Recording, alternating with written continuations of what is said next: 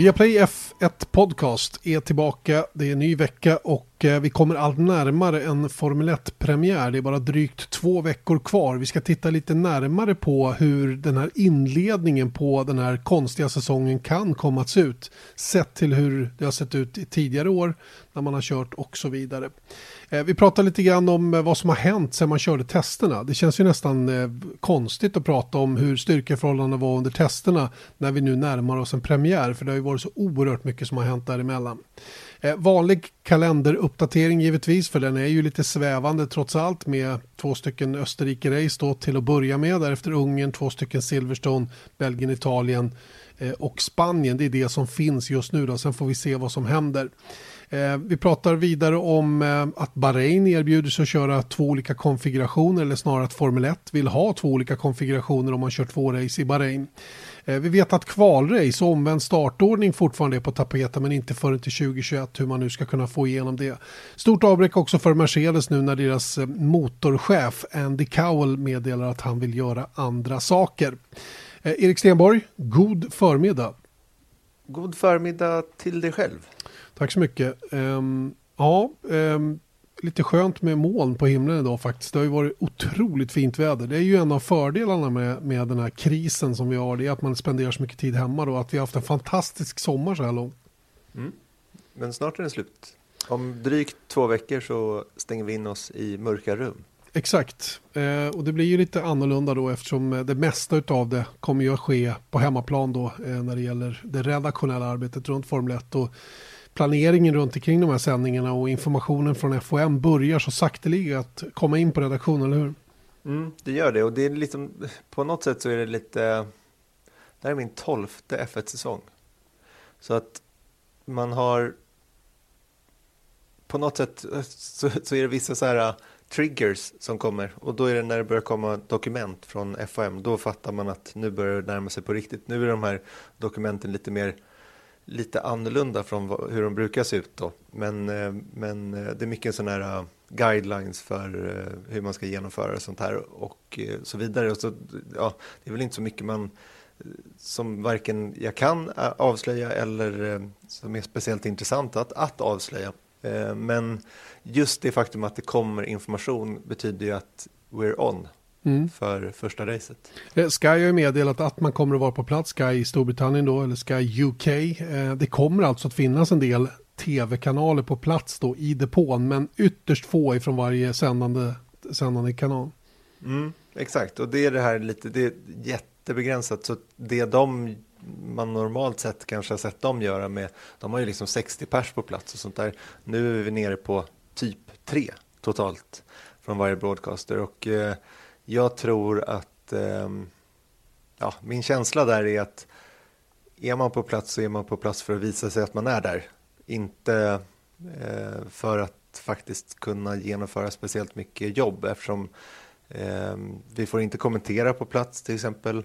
Eh, de som är på plats har ingenstans att vara riktigt utan för det finns inget mediacenter att vara i, det finns inga hospitalities eh, hos teamen och inte heller några kommentatorshytter. Så då är det liksom ja, det är någon barack i TV compound någonstans då som man kan husera sig och sånt där. Men jag tror att det är mer än, äh, än äh, att kunna krydda med och säga att äh, kolla vad tomt det är här. Ja, och jag kan tycka att det finns en poäng också från Formel 1 sida att släppa in journalister i det här så att det finns någon form av oberoende koll på vad som faktiskt sker inne i depån. Eh, annars blir det ju bara en ren Formel 1-produkt så att säga då, som, som man eh, kan leverera. Mm. Precis. Så att, eh, ja, men det, där, det är ju ingenting som är satt heller. Det är rörligt mål där också, så att vi får se lite hur det utvecklar sig. Ehm, helt enkelt. Men det faktum att, att ehm, det är ingen snack om att de ska försöka genomföra det första racehelgen i alla fall. Om man nu hade tvivel. Mm. Nej, det ser väl också rätt så bestämt ut det där. Hela egentligen den här åtta kalenders, eh, eller den här åtta racekalendern då som ligger, att den, den finns det finns det stor möjlighet att den kommer att genomföras helt och hållet. Vad som händer sen då, det ska vi komma in på lite längre fram i dagens podd. Va? Men, men först och främst eh, en liten spaning sådär. Eh, vi körde ju tester alltså i slutet av februari, början på mars. Mm. Och mängden saker som har hänt sedan testerna innan säsongen drar igång är ju väldigt, väldigt stor. Det är massor mm. med grejer som har hänt och det som hände på testerna saknar ju nästan relevans nu känns det som. Mm. När man väl börjar köra i Österrike. Det, det, är lätt att tänka så i alla fall. Vi hade, apropå det så hade vi ett så redaktionsmöte om lite innehåll till första sändningarna då. Och då eh, tittar vi tillbaka. Liksom, jag hade helt glömt bort det här med DAS. Alltså, eh, dub, vad heter det? Uh, dual axis uh, steering. steering. Ja, precis som Mercedes hade då när de kunde dra i ratten och räta ut framhjulen. Uh, det var ju en sån där sensation under testerna och man kunde liksom inte sluta titta på det eller prata om det heller. Och nu, jag har glömt bort att det fanns förrän jag tittade tillbaka till gamla noteringar till den sändning vi hade tänkt att göra i Australien. Samma sak med den rosa Mercan. Mm. Den har man ju lite mer då i och med att man tänker fortfarande på hur teamen liksom ska hålla sig mot varandra. Eh, så där tänker man fortfarande att ja, Racing Point, de kan nog vara att räkna med och det är för att de har gjort den här Mercedes-kopian då som, som det är då. De har ju helt enkelt gjort en reversed engineering version av fjolårets Mercedes. Mm. Men, men det som, precis som du säger där, att normalt sett efter sista testen, då har man två veckor på sig att förbereda första sändningen med innehåll och, och tänka på det. Nu har det gått tre och en halv månad. Minst va? Vad ja. är det? Ja, ja vad är det? Mars? Det, kom... det, är, det är hela mars, hela april, hela maj, hela juni. Mm. Ehm, så eh, det är ju fyra och en halv månad sen de ja. körde testerna. Då. Exakt, så då när man börjar tänka på det så här, ska man göra en så här, titta tillbaka på testerna så här, nah, alltså, kanske inte. Det var så himla länge sedan. Ja. Och, och, och, och, sen så kan man ju då komma vidare på vad som faktiskt hänt sedan dess utöver det. Det här var ju någonting som hände på testerna, att man såg det här DAS-systemet som Mercedes hade och den rosa Mercedesen. Men förutom all simracing som har körts då, så har Ricciardo skrivit på för McLaren, Sainz för Ferrari, Vettel ska lämna Formel 1. Kanske. Budget, ja, exakt, men ja, until further notice. Så, han ska lämna ska Ferrari lämna, i alla fall. Han ska lämna Ferrari. Eh, en budget cap har införts, det har diskuterats länge, men det, det var ju eh, det skedde ju först nu under det här breaket då. 2021-reglementet har skjutits upp till 2022. Man ska alltså köra med samma bilar 2021 med utvecklingsbegränsningar, vilket också är en sådär unheard of grej i Formel 1. Att alla har kommit överens om det här på den här korta tiden. Och frågan är, hade det här kunnat ske utan corona? För det, i mångt och mycket är det ju alla är väl inte positiva förändringar, men i grund och botten så är ju en budget cap att man faktiskt kom ner på en så låg nivå och så vidare är någonting positivt långsiktigt för Formel 1. Jag tror att coronan målade in alla i ett hörn där det inte fanns några alternativ och det, det måste jag säga är kanske den absolut mest positiva delen av det här breaket och den kris vi har just nu.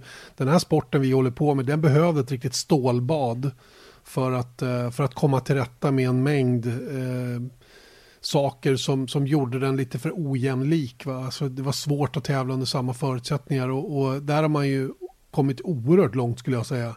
Just med anledning av corona. Va? Så jag håller med dig. Det, det, är nästan inget av det här som hade skett utan coronakrisen. Eh, och det är ju det är lite spännande bara det.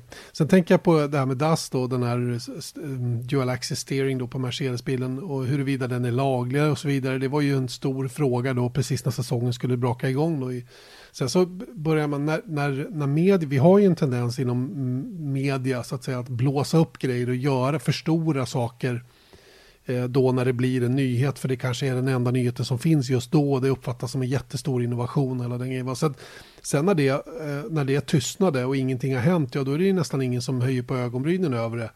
Möjligen så vaknar den till liv igen då när man ser dem på banan och, och, och märker att till exempel Mercedes då som hade den här grejen skulle ha varit extra överlägsna eller någonting i den stilen. Men det är lite som rapportering rent generellt om coronakrisen i media. Det är ju, det är ju väldigt mycket så här eh, rubriksökande för att få, för att få fart på läsningen eh, och ja, klickandet såklart då på, på sajter och hela den biten. Va? Det är ju rätt uppenbart att man håller på med den saken.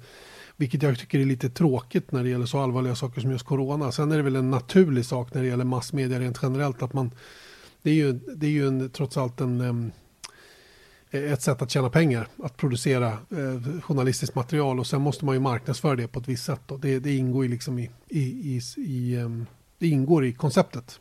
Mm. lite vidare då på, på DAS-systemet då som, som var, ska, kan inte du dra den korta liksom bakgrunden ifall att det är någon som har missat det här eller glömt bort det? Det man, det, man, eh, det man har jobbat på ett tag eh, hos Mercedes är ju ett sätt att, att, eh, att göra bilen, att förändra bilen under gång eh, när det gäller framhjulens vinkel.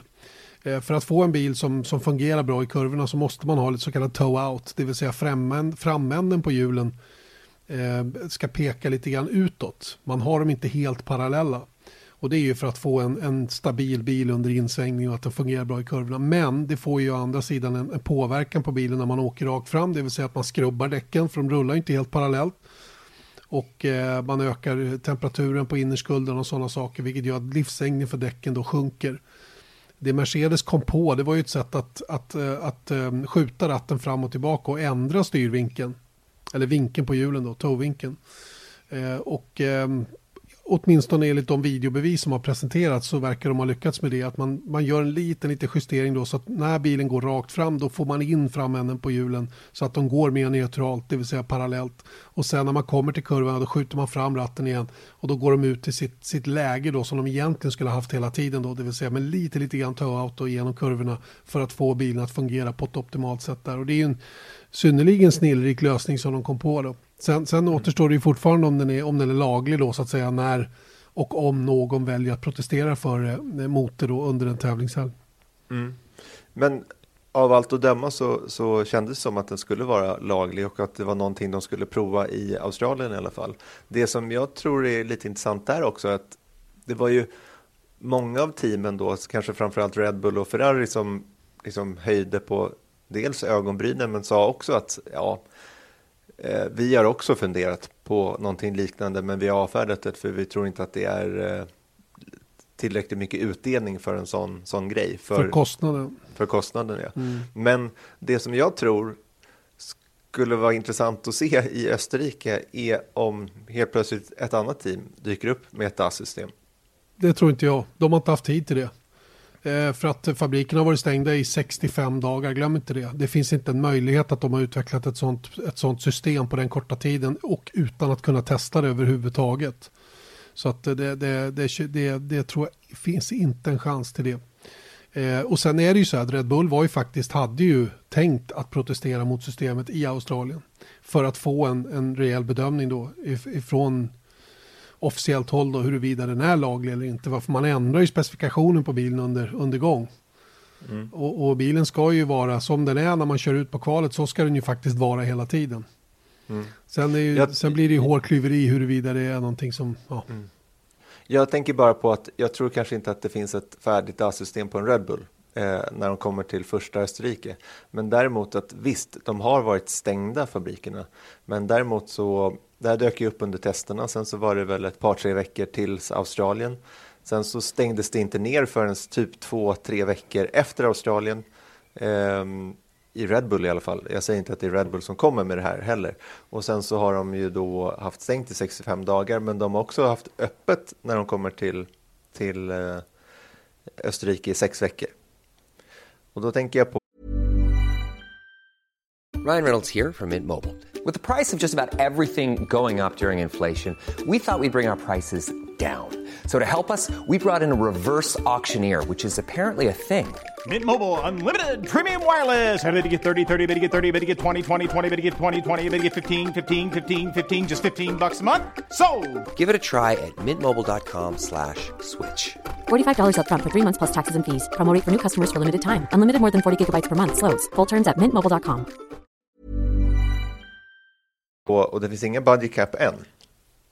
Och då börjar jag bara räkna ihop tiden här att ja, men helt plötsligt så är det typ två, två och en halv månad åtminstone som de ändå haft tid att jobba på det.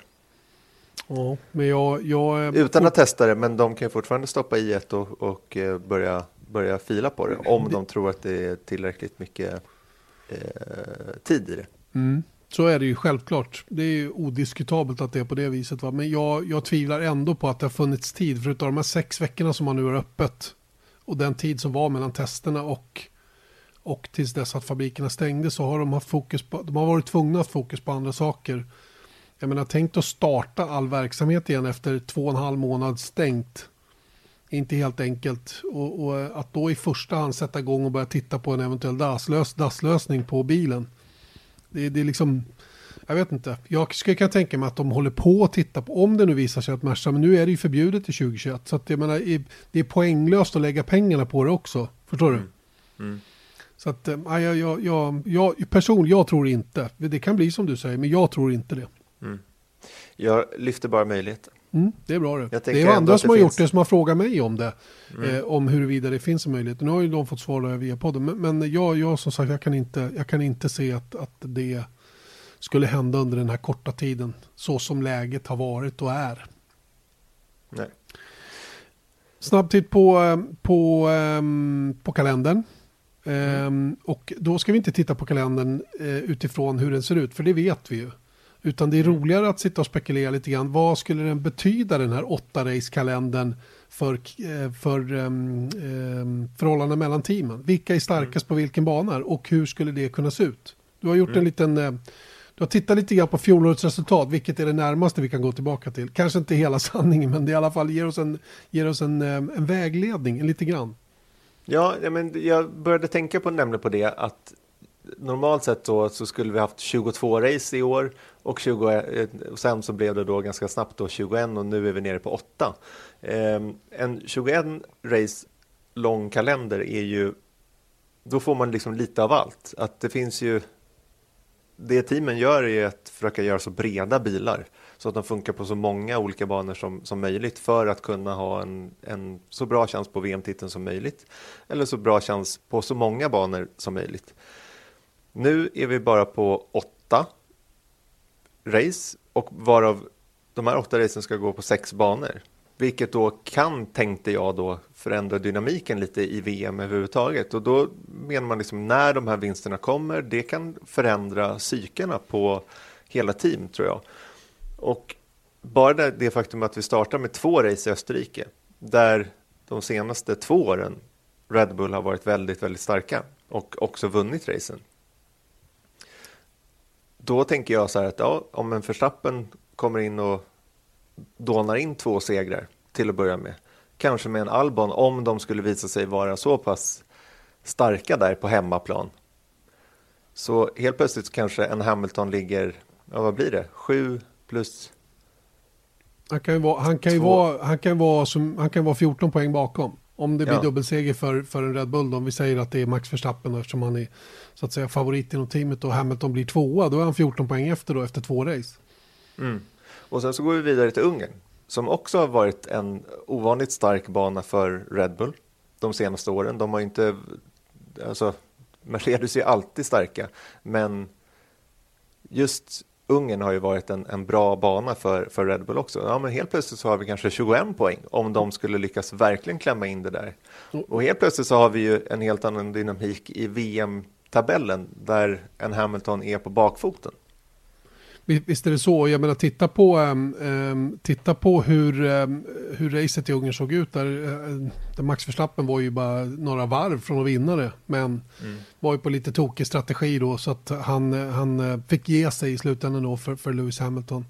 Mm. Uh, så tog även pole position. Ja, och det är lite touch and go där mellan Mercedes och Red Bull på just den banan.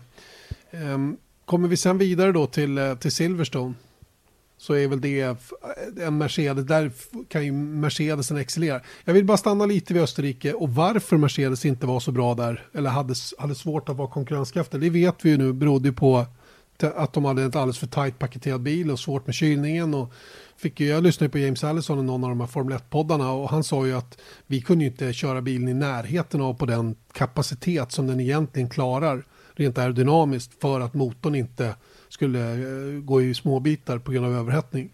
Så, så att eh, får de bara ordning på det, då är de ju lika bra eller till och med bättre än Red Bull just där. Absolut, och det var ju en sån där avart då när man försöker bygga en bil som är så bra på så många banor som möjligt. Och då var, råkade det vara så att det var så himla varmt i Österrike också och därav funkade inte bilen tillräckligt bra. Men det är ju samma sak där, att, att eh, i den här bredden så var eh, Österrike en joker för Mercedes. Exakt. Och det, och det kan ju hända liksom. Och det är ju det som är så spännande och det är det som gör den här, att man gör en sån här genomgång ännu mer intrikant. Eller, det, det, blir spännande i alla fall för att hur, hur har de nu gjort? Och vi kommer ju att ha en helt annan kalender än vi normalt brukar se. Och vi vet ju att Mercedes, de säger ju nästan alltid det. Framförallt sa de ju det när de inte var så starka i Monaco då på grund av sin långa hjulbas och så vidare. Att vi bygger ju inte en bil för just Monaco utan vi bygger en bil som är så allround som möjligt för att vinna mästerskapet. Mm. Och frågan är ju då hur en kraftigt reviderad kalender påverkar. Och jag pratar inte bara om Mercedes utan även de andra. Mm. Vi vet ju till exempel hur bra Ferrari var i både Belgien och Italien. På grund av mm. att de hade bra knuff i motorn och, och, och kunde utnyttja det till 100%. Är det samma sak i år? Eller är de nu handikappade av den här, den här eh, clampdown eller vad jag ska kalla det då som Fia gjorde på, på Ferrari och deras sätt att köra motorn? Mm. Ja, och det är ju det som är grejen, att ingenting går att direkt föra över från ett år till ett annat i vanliga fall och kanske än mindre nu då. Eh, men bara sett till de här åtta racen då så har vi ju eh, två eh, Red Bull-segrar baserat på fjolårskalendern då. Vi har eh, två Mercedes-segrar i Silverstone och Spanien där vi ska köra. Och så har vi två stycken Ferrari-segrar i Italien och Ferrari. Och sen så har vi lite touch and go mellan Red Bull och Mercedes i Ungern då. Så då har vi två, två, två och en halv. Mm. Om man ser till, till banorna. Tänk om det där och, stämmer nu efter de här åtta racen, det vore ju coolt ju. Ja, då, bara en sån grej är ju faktiskt lite spännande att tänka mm. sig på. Och det är det som är grejen, att om någon hamnar på bakfot eller någon får flow, helt plötsligt så kanske Silverstone är mer rimlig för Red Bull att vinna om de har lyckats vinna, vinna tre raka. Det, vem vet? Och sen så bygger det ju såklart på vilken bil de har och det vet vi ju än idag inte. Vad, nu har de, det enda vi har att gå på är fortfarande testerna. Men, eh, och att Ferrari kanske inte såg så himla speciellt starka ut under testerna heller. Så att det, det är såklart eh, ett trubbigt instrument att titta på segrar förra året. Men ändå så är det ju en spännande tanke. Det är som att få in en, en vägplog genom ett synålsöga. Mm. Men eh, vilket fall som helst så är det kul att spekulera och det är det vi gör. Vi, det är ju bara ro. Det är ju liksom, vi sitter ju som vem som helst och funderar lite grann på hur, hur det skulle kunna se ut. Allt för att på något sätt värma igång själv. Mm. Så att man börjar tänka i rätt banor. En sak som man definitivt inte har råd med, egentligen aldrig, men som är, kan bli väldigt, väldigt dyrbart, det är ju att åka på en DNF. Mm. att man inte tar sig i mål.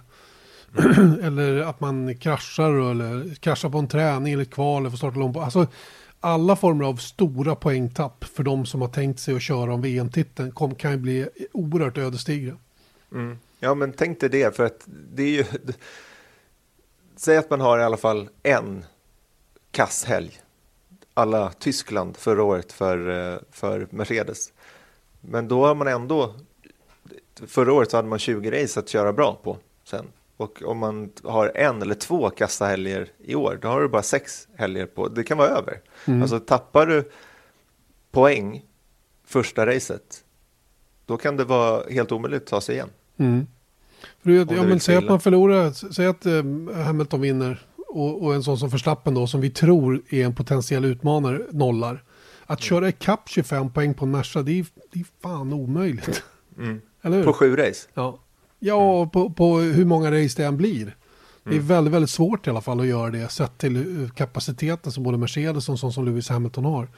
Eh, eh, eller vi kanske bara ska säga Mercedes för det kan ju lika gärna vara Valtteri Bottas. Va? Men vad, vi vill, vad jag vill peka på är att, att, att inte komma i mål eh, eh, har man inte råd med kort och gott om man på riktigt allvar ska vara med och slåss om mästerskapet. Så det gäller ju det gäller att tänka till när man ger sig in i situationer också Eh, kanske i, lite högre grad i år än, än vad det har varit tidigare säsonger då när man har 21 eller 22 race på sig att reparera en eventuell nolla mm. någonstans.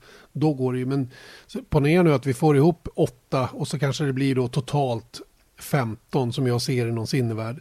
15-16 race max. Då har det ändå försvunnit 5-7 race från mm. en ursprunglig kalender och det är mycket poäng. Mm. Eh, och det minskar ju då marginalen, felmarginalen så att säga. Så att det, det gäller att vara oerhört noggrann, tror jag, rakt igenom.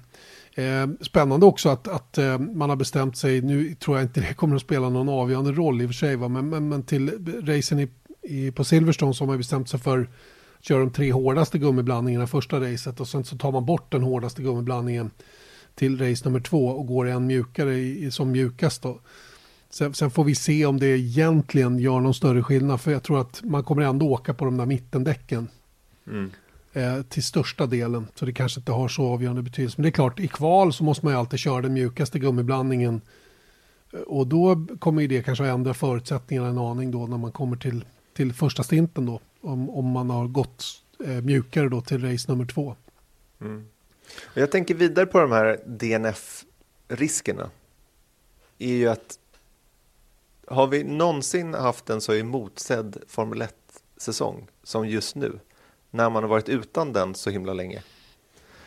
Och tänk då om, det vore ju, jag tror att Chase sitter och, och liksom får eh, heta svallningar när han tänker på att om, för att jag menar VM kan vara avgjort om det vill sig illa efter fyra race. Mm.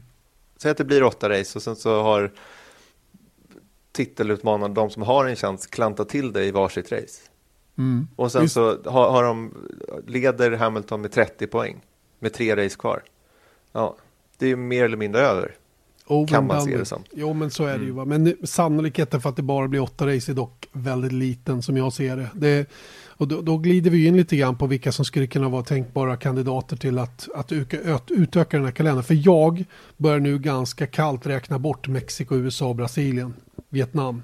Som var på mm. den här första mm. ursprungliga. Jag tror inte det blir något. Jag tror inte det blir några flyway-race överhuvudtaget när det gäller dem.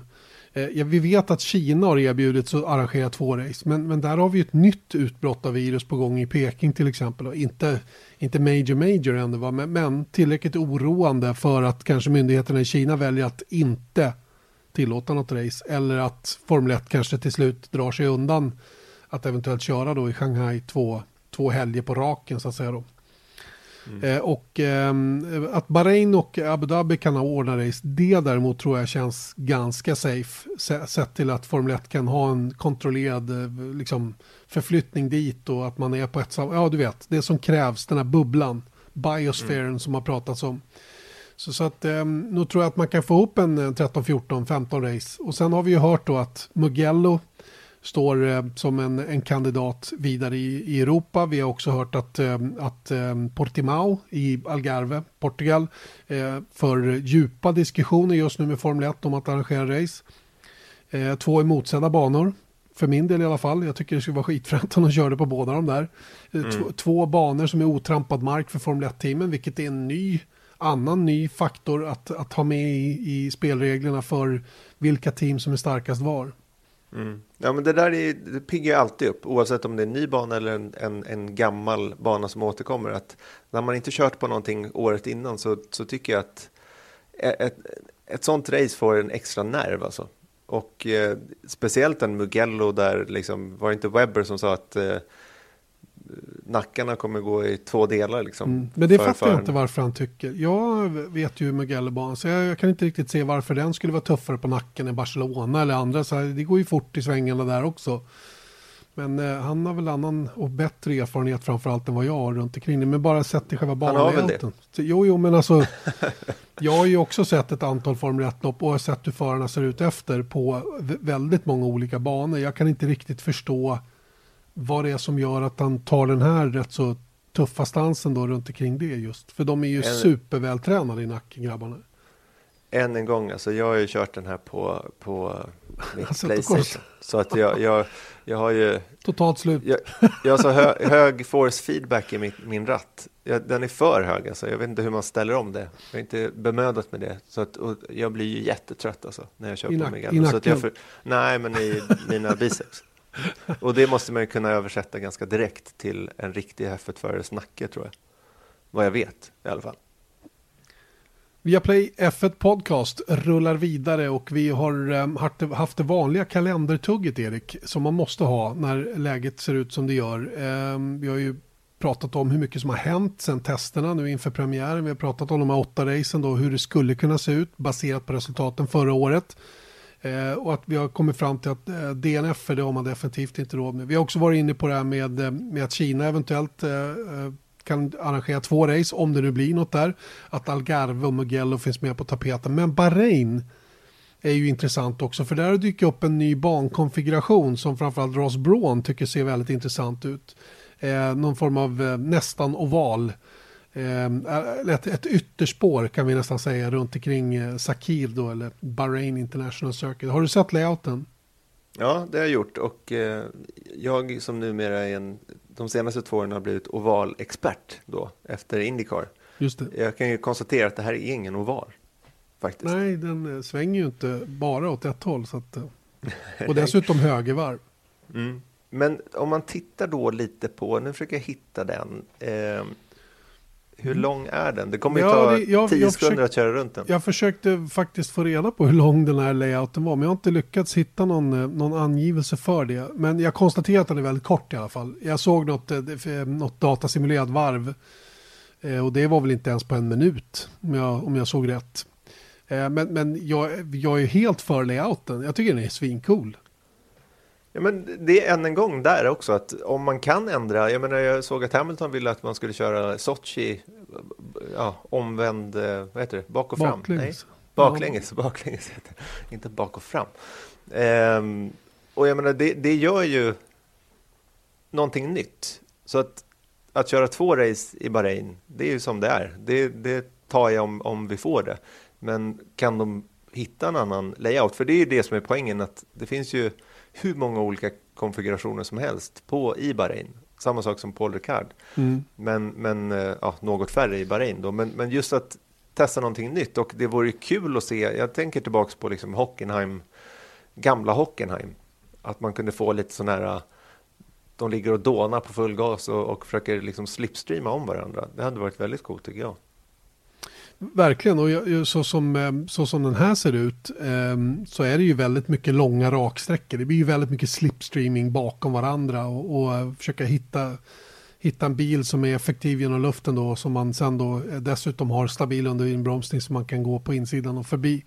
Och var lägger man DRS-zoner på en sån här bana? Ja, du har ju möjlighet, på, på, mm, I Bahrain så hade man ju en mellan kurva 3 och 4 förra året. Sen hade man ju då mellan kurva 10 och 11 och sen över start och mål eh, som hade tre stycken DRS-zoner. Här kan Har man ju ha en... bara. Vad sa du? Har det fritt bara. Ja, ja visst. Ja, men öppna när du kan och vill. Mm. nej, jag, jag, eh, nej, men återigen, jag är positiv. Vi försöker hitta någon bra bild eller länka till någon sida som har eh, som har bankonfigurationen och lägger den på vår Facebook så kan ni se hur det ser ut. Mm. Eh, jag är positiv. Jag är alltid positiv till förändringar. Nej, det är jag inte. Men eh, den här gången är jag Ja. Till den här förändringen är du positiv. Exakt, exakt, exakt så är det. Ehm, men ja, Bahrain, eh, de har ju den här endurance-layouten också som inte varit så lyckad. Man körde i Formel 1 via den ett år och det blev ju inte alls bra. Det var någon konstig vägövergång där som stökade till det. Jag vet inte, det var... Man tappade rytmen. Man tog ju bort hela det där S, sköna S-partiet, kurva 6, 7, 8. Mm. Eh, för något långsamt eh, skräpparti med någon hårnål. Det var, inte, det var inte alls det som man ville ha ifrån banan i Bahrain. Men det var en annan, en annan layout. Jag minns faktiskt inte varför man gjorde den förändringen den gången. Men, men bra blev det i vilket fall som helst inte. Det, det finns väl en del olika varianter även i Abu Dhabi att köra om man skulle vilja det. Mm, Det var väl absolut. Och det- GP2, och det var GP2 Asia eller om det var GP2 som körde en, en eh, där man vek av vänster innan man kom fram till nu ska vi se, man, eh, du vet ju i, i Abu Dhabi så är det ju Mm. kurva 1 och sen så går det igenom några S-kurvor och sen så kommer du då till den här långsamma chikanen innan kurva 7 som då är hårnålen innan första raksträckan. Innan den här chikanen så vek man vänster och så ner för en liten backe så kom man ut lite längre fram på raksträckan. Så man tog bort det där tråkiga partiet som jag tycker. Kurva 4 eller 5, 6 och 7. Ehm, och det är möjligt att använda den kanske om man vill. Ehm, om man vill köra två race i Abu Dhabi istället för i Bahrain. Mm. Men ehm, ja, vi får se vad de kommer fram till. Det är ju lite roligt ändå att, att um, Ross Braun ändå gillade den här ehm, Ehm, nästan ovalen då, om vi kan kalla det det, i Bahrain. Mm. Men det är ju det att de, de tittar ju på alla möjligheter och då ser väl allt bra ut. Jag menar det är ju lite så man själv känner också. Om, om vi nu kommer in på det här med, med eh, kvalracen och omvänd startordning som diskuterades om att kanske testas redan i år i de respektive andra racen då på, i Österrike och Silverstone. Eh, det var ju en sån här grej som väldigt många i alla fall var, var, kändes i grunden positiva till. Och sen så förstår man väl att det var Mercedes då som vi fick reda på av Mark Hughes för ett par veckor sedan i podden att eh, det var nog Mercedes då som hade motsatt sig det. Ja, det är ju Eh. klarlagt också nu eftersom Toto Wolff gick ut och förklarade varför. Vad var varför då? Jo, för att de har ju en konkurrensfördel som de inte vill släppa. Det var ju den enkla förklaringen. Eh, Och det, jag hörde Valtteri, eller jag såg Valtteri Bottas hade uttalat sig i ungefär samma riktning då. Att det är ju, it's a bit unfair, sa han. Ja, men, men det var ju aldrig frågan om någon rättvisa det här, utan det här var ju något, ett sätt att spice up showen lite grann. Eh, Att, eh, att ha ett kvalrace eh, när man kör två race samma helg. Och det här var ett utmärkt tillfälle att testa den varianten. Men då kommer vi tillbaka till det här att Wolf vill ju gärna ta en, en Grand Slam här och vinna båda mästerskapen alla de här åren under det nya reglementet 14 till 20. Och han är inte det minsta intresserad av att göra någonting som kan äventyra deras fördelar eller, eller deras konkurrensfördel gentemot de andra. Så ett fullständigt rimligt beslut att rösta ne, ner det här ifrån hans sida, som jag ser det. Men till nästa år däremot så öppnar det ju upp för den här förändringen och det är det som har kommit på bordet igen. För dels har man ju förändrat röstningsförfarandet till nästa år, att det räcker med 7 av 10 team som är överens, vilket var ungefär det övertag man hade på den här omröstningen redan i år. Men till nästa år så kan man ju definitivt rösta igenom det och då skulle det kunna bli verklighet i alla race. Att man hade ett icke poänggivande kvalrace istället för kval. Som, då, eh, som då gjorde startordning till racet.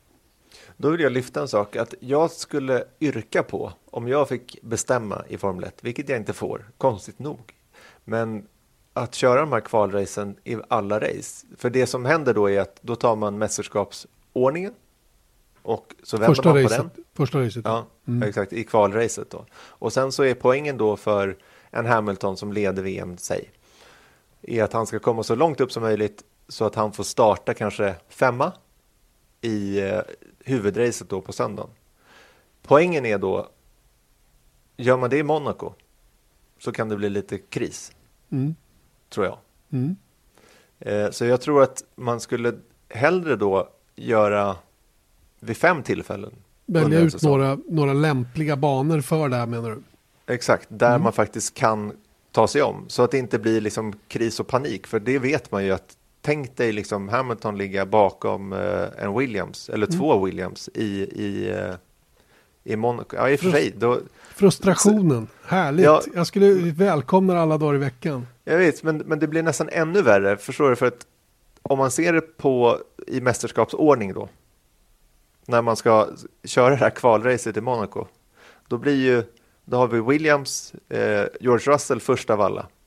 Och den som är tvåa är Robert Kubica. Det är han ju inte, men, men eh, ni förstår min poäng om man baserar på förra året. Och han är inte tillräckligt snabb för att ta sig om Russell. Och den som är bakom honom är inte tillräckligt snabb, snabb för att ta... Ba- Ja, förstår du? Det blir bara... Det blir ju kaos liksom. Jag fattar. Samtidigt är det 1 av 22 race. Va? Det spelar roll. Det är bara kul. Sen, sen, kanske, sen kanske det nedvärderar racets värde totalt Ja, men det, sett. exakt, såklart. jag är lite Mm. rädd att det blir ett spektakel då istället för att det blir riktig racing. Men däremot om man, om man gör det i en eh, Belgien eller om man gör det i eh, Österrike för all del eller Silverstone som faktiskt passar att köra om på, då, då är det bra. Och dessutom så kan det vara lite så här, ja men just det, den här helgen är lite extra spännande för att vi gör det på det här sättet istället. Mm, Så att det, jag tror att man ska vara lite försiktig med att, eh, och det är därför det är synd att de inte testade det. Ja, för att ja, hade de kunnat testa det i år, då hade de bara sagt, nej men det här blir bara kaos. Det, det blir inte alls bra.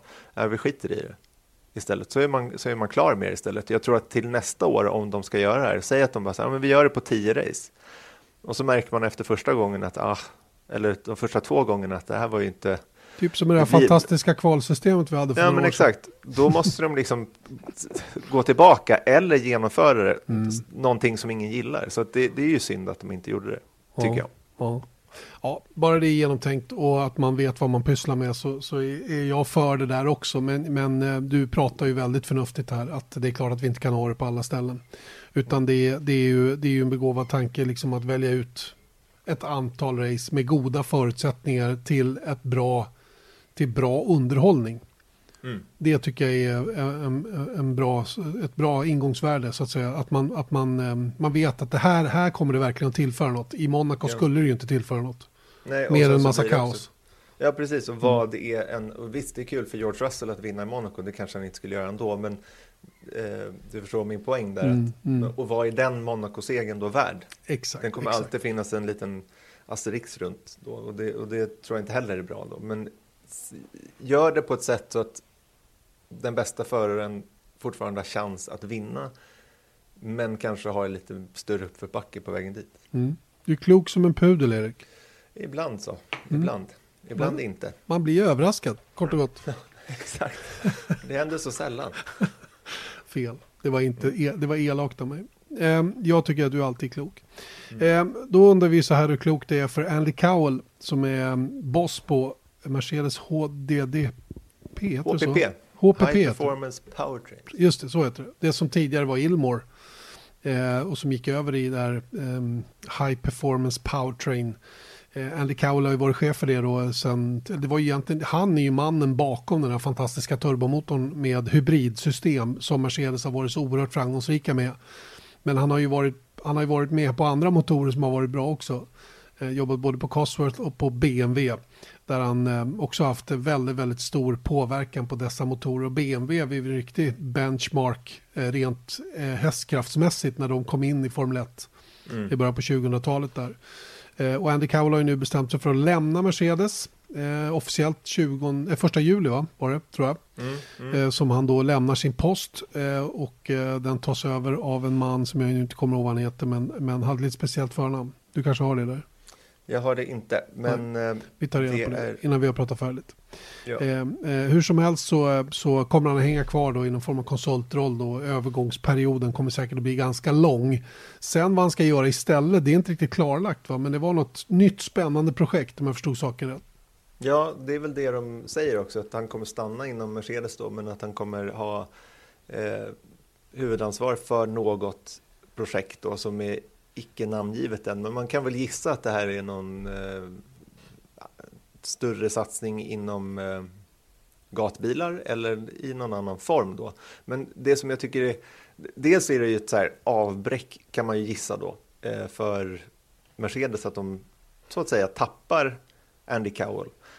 Det är precis på samma sätt som, som eh, jag menar, en chefsdesigner som kanske är lite mer så här, en James Allison, skulle han lämna, det skulle inte vara bra för Mercedes. Så att, så att, eh, men däremot så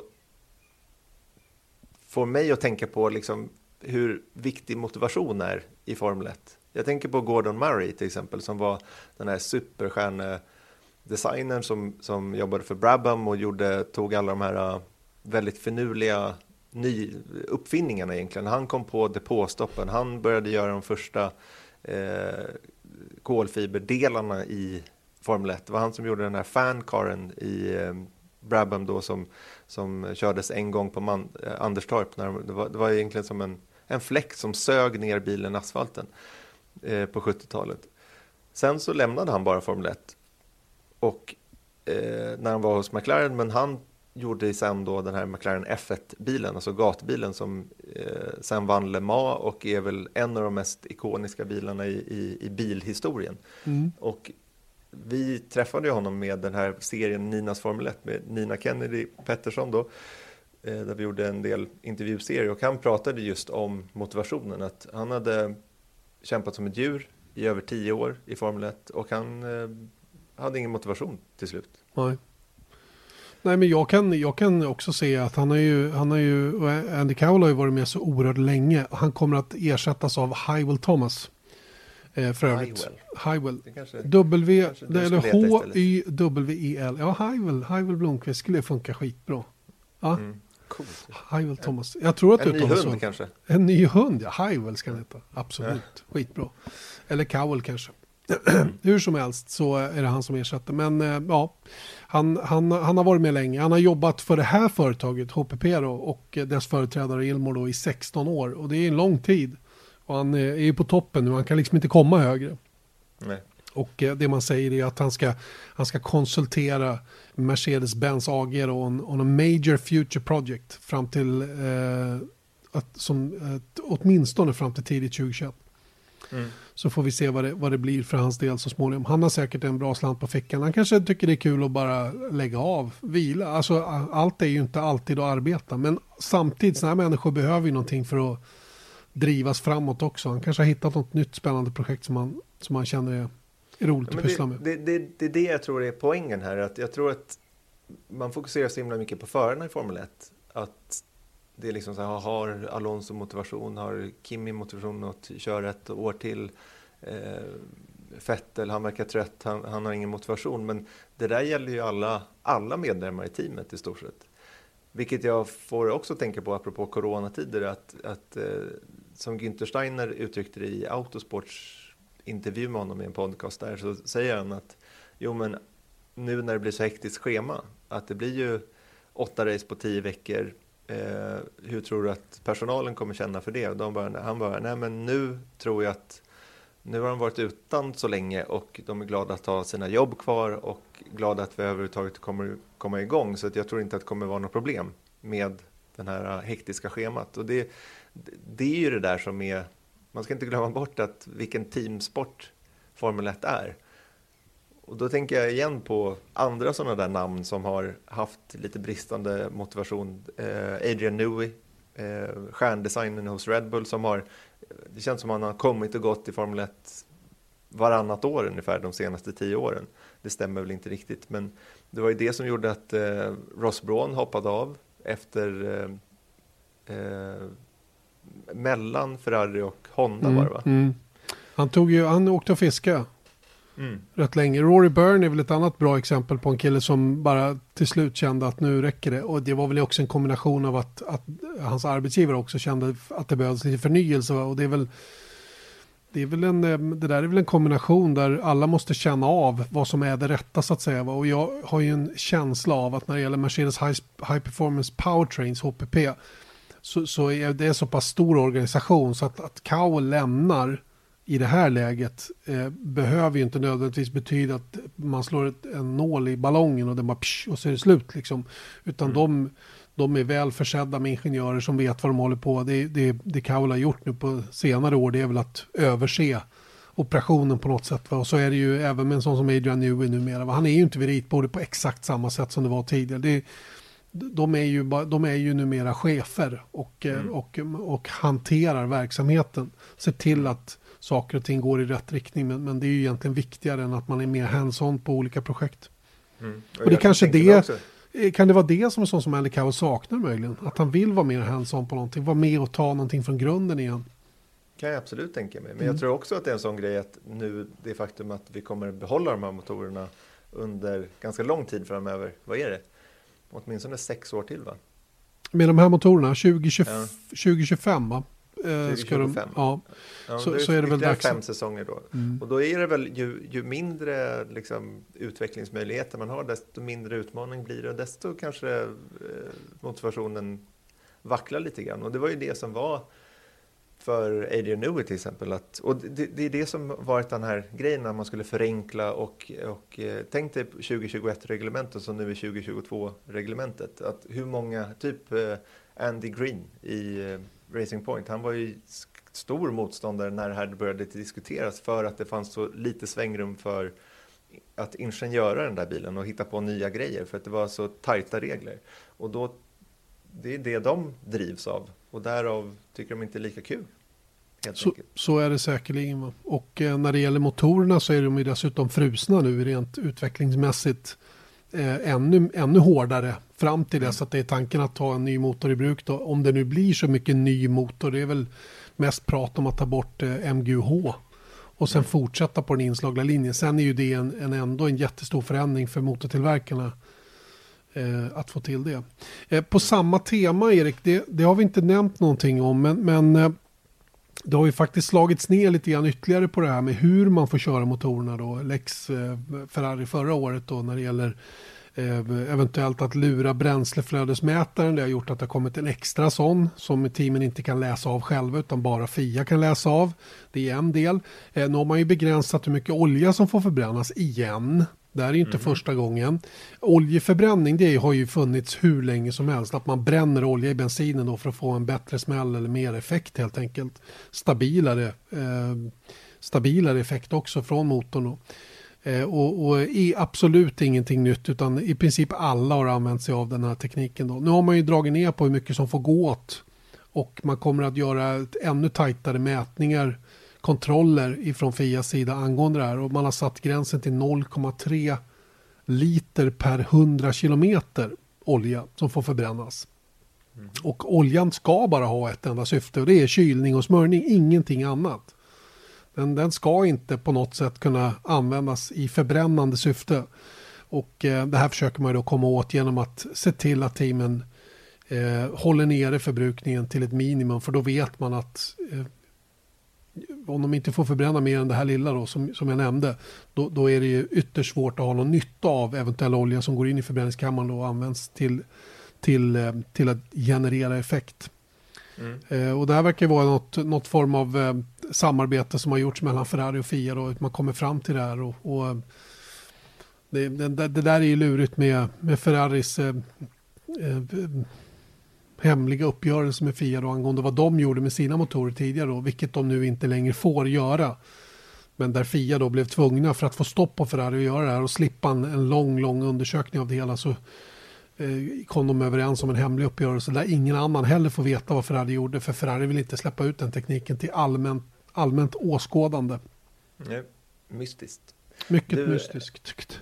En annan grej då, apropå förberedelser för premiär, mm. än en gång pris över två veckor bort. Det är att eh, Renault kör idag och imorgon eh, tester på Red Bull Ring. Ja, men på demonstrationsdäck och med en 2018-bil. Ska komma sig ihåg. Mest för ja. att få fart på förarna. Och teamet som är där är deras demonstrationsteam. Mm. Inte någon från raceteamet då. Det har ju att göra med, med karantänregler och sådana saker då. Ja, och Alfa Tauri är på väg till Imola för att ja. testa deras 2018-bil. Då. Just det, just det. Eh, Frågan är om de har fler team som kommer att göra samma sak. Vi vet ju som vi nämnde förra veckan då, att McLaren inte kan göra det för de har inte Honda-motorer så det räcker att köra 2018-bilen för den kördes nämligen med Honda-motor. Mm. Och eh, det går liksom inte att konvertera om den då till de nuvarande Renault-motorerna. Eh, vilket Precis, naturligtvis är ett avbräck för deras del. Men jag tänker Precis. sådana som Alfa Romeo och de här, kommer de att göra något liknande eller har de inte råd att göra det eller vill de inte göra det? Har de, tillgång, har de tillgång till motorer? Jag menar de som köper motorer, de, de leasar ju sina motorer från motortillverkaren. Mm. Och har ju inte alltid tillgång till dem när inte bilarna används under tävlingshelg. Ja, alltså Racing Point ska jag köra nästa vecka tror jag att det är med, med Lance Stroll, en sån här promotional day. Det är den första... Filmingdag, ja. Men det gör de ju med årets bil med årets bil. Ja, precis. Och där har de ju tillgång till allting. Men, men det, exakt, och det är väl kanske det, därför de gör det, mm, kan jag gissa mm, då. Att de använder en sån här promo day för att, för att uh, komma igång på det viset. Och det, det kan, skulle väl McLaren kunna göra, såvida de inte använt deras två, som de uh, har per år då. Mm. Det vet jag faktiskt inte. Right. Eh, vi börjar väl det så smått sig, så att sagt. närma oss slutet på denna podcast. Vad, har du, eh, vad ska du göra den här veckan? Planerar vidare mot... Ja. Eh, det är ju som sagt åtta race på tio veckor så att eh, det är ingen tid att förlora. Nej, det är det inte. Jag vet vad jag ska göra. Efter, direkt efter midsommar. Ja, det ska jag definitivt göra. Jag ska fira midsommar som alla andra. Mm. Eh, lite sådär ute, utspridda, släkten. Mm. Har inte råd att bli sjuk just nu, tvärtom. Um, och sen um, ska jag faktiskt i början på nästa vecka provköra nya F1 2020. Just det. Mm. Det ska och bli kul. Bara inte bara det, utan jag ska... det kommer bli en 20... extremt dålig jämförelse, men jag ska, jag ska prova hur det är att köra i simulera i tv-spel och sen ska jag direkt köra en riktig Formel 1-bil. Mm. 2005? Eh, 2007 är det faktiskt. Eh, och det är den Johan Rajamäki har nere på Anderstorp. Och, men det som är cool den här gången det är att jag ska få köra hela banan. Oh, wow. Inte bara halva. Och det ska bli coolt. Och det ser ut att bli kanonfint väder och hela den biten. Så att det här kommer ju bli en mil, miljarddag. Det kommer komma att bli så himla kul. Jag säger så här att ni alla som hör Jannes planer där känner säkert en, en viss mån av avundsjuka. Men tänk på mig då, som jobbar så nära Janne men ändå så långt ifrån Janne i, i sådana här gräddfiler. Följ med då. Liksom, ja, jag, jag kommer. Det var inte svårt att bjuda. Nej, exakt. Men vilka, tar du med någon lyssnare också eller? Nej, eller det tror jag kanske faktiskt inte. hundra? Ja, hundra lyssnar. Ja, men det, Ja. banan är väl öppen så det är väl bara att komma förbi. Ja, exakt. Så Ja, det är nog ingen fara. Ja, men det ska bli kul. Det är vi där eh, tisdagen den 23 och, eh, och kör lite grann på Anderstorp. Eh, Johan Rajamäki är det som Rajamäki Racing då, som har de här Williams-bilarna och som, som figurerar där man får komma dit och få en F1 ehm, upplevelse. Man får inte köra Formel 1-bil på det sättet som många tror utan man får uppleva hur det är att köra en Formel 1-bil lite grann. Köra runt lite grann. Det är ju superkul är det. Värt varenda krona och sekund. Precis. Så att det är det som kommer att hända. Ja, ehm, det om detta. Eh, slut, på, slut på podden känns det som. Ja. Och är vi, är vi tillbaka nästa vecka? Det är vi. Från Anderstorp är jag då. För det är där jag är då. Så att jag spelar in i garaget där. Och du kanske är där också, man vet aldrig. Då. Det kändes, kändes som jag fick en, en En, halv arm, inbjudan. en armbåge. Ja, exakt. Vi får väl se. Tills dess, ha det fantastiskt bra. Och en trevlig midsommar nu alla. Eh, så hörs vi om en vecka. Adjöss.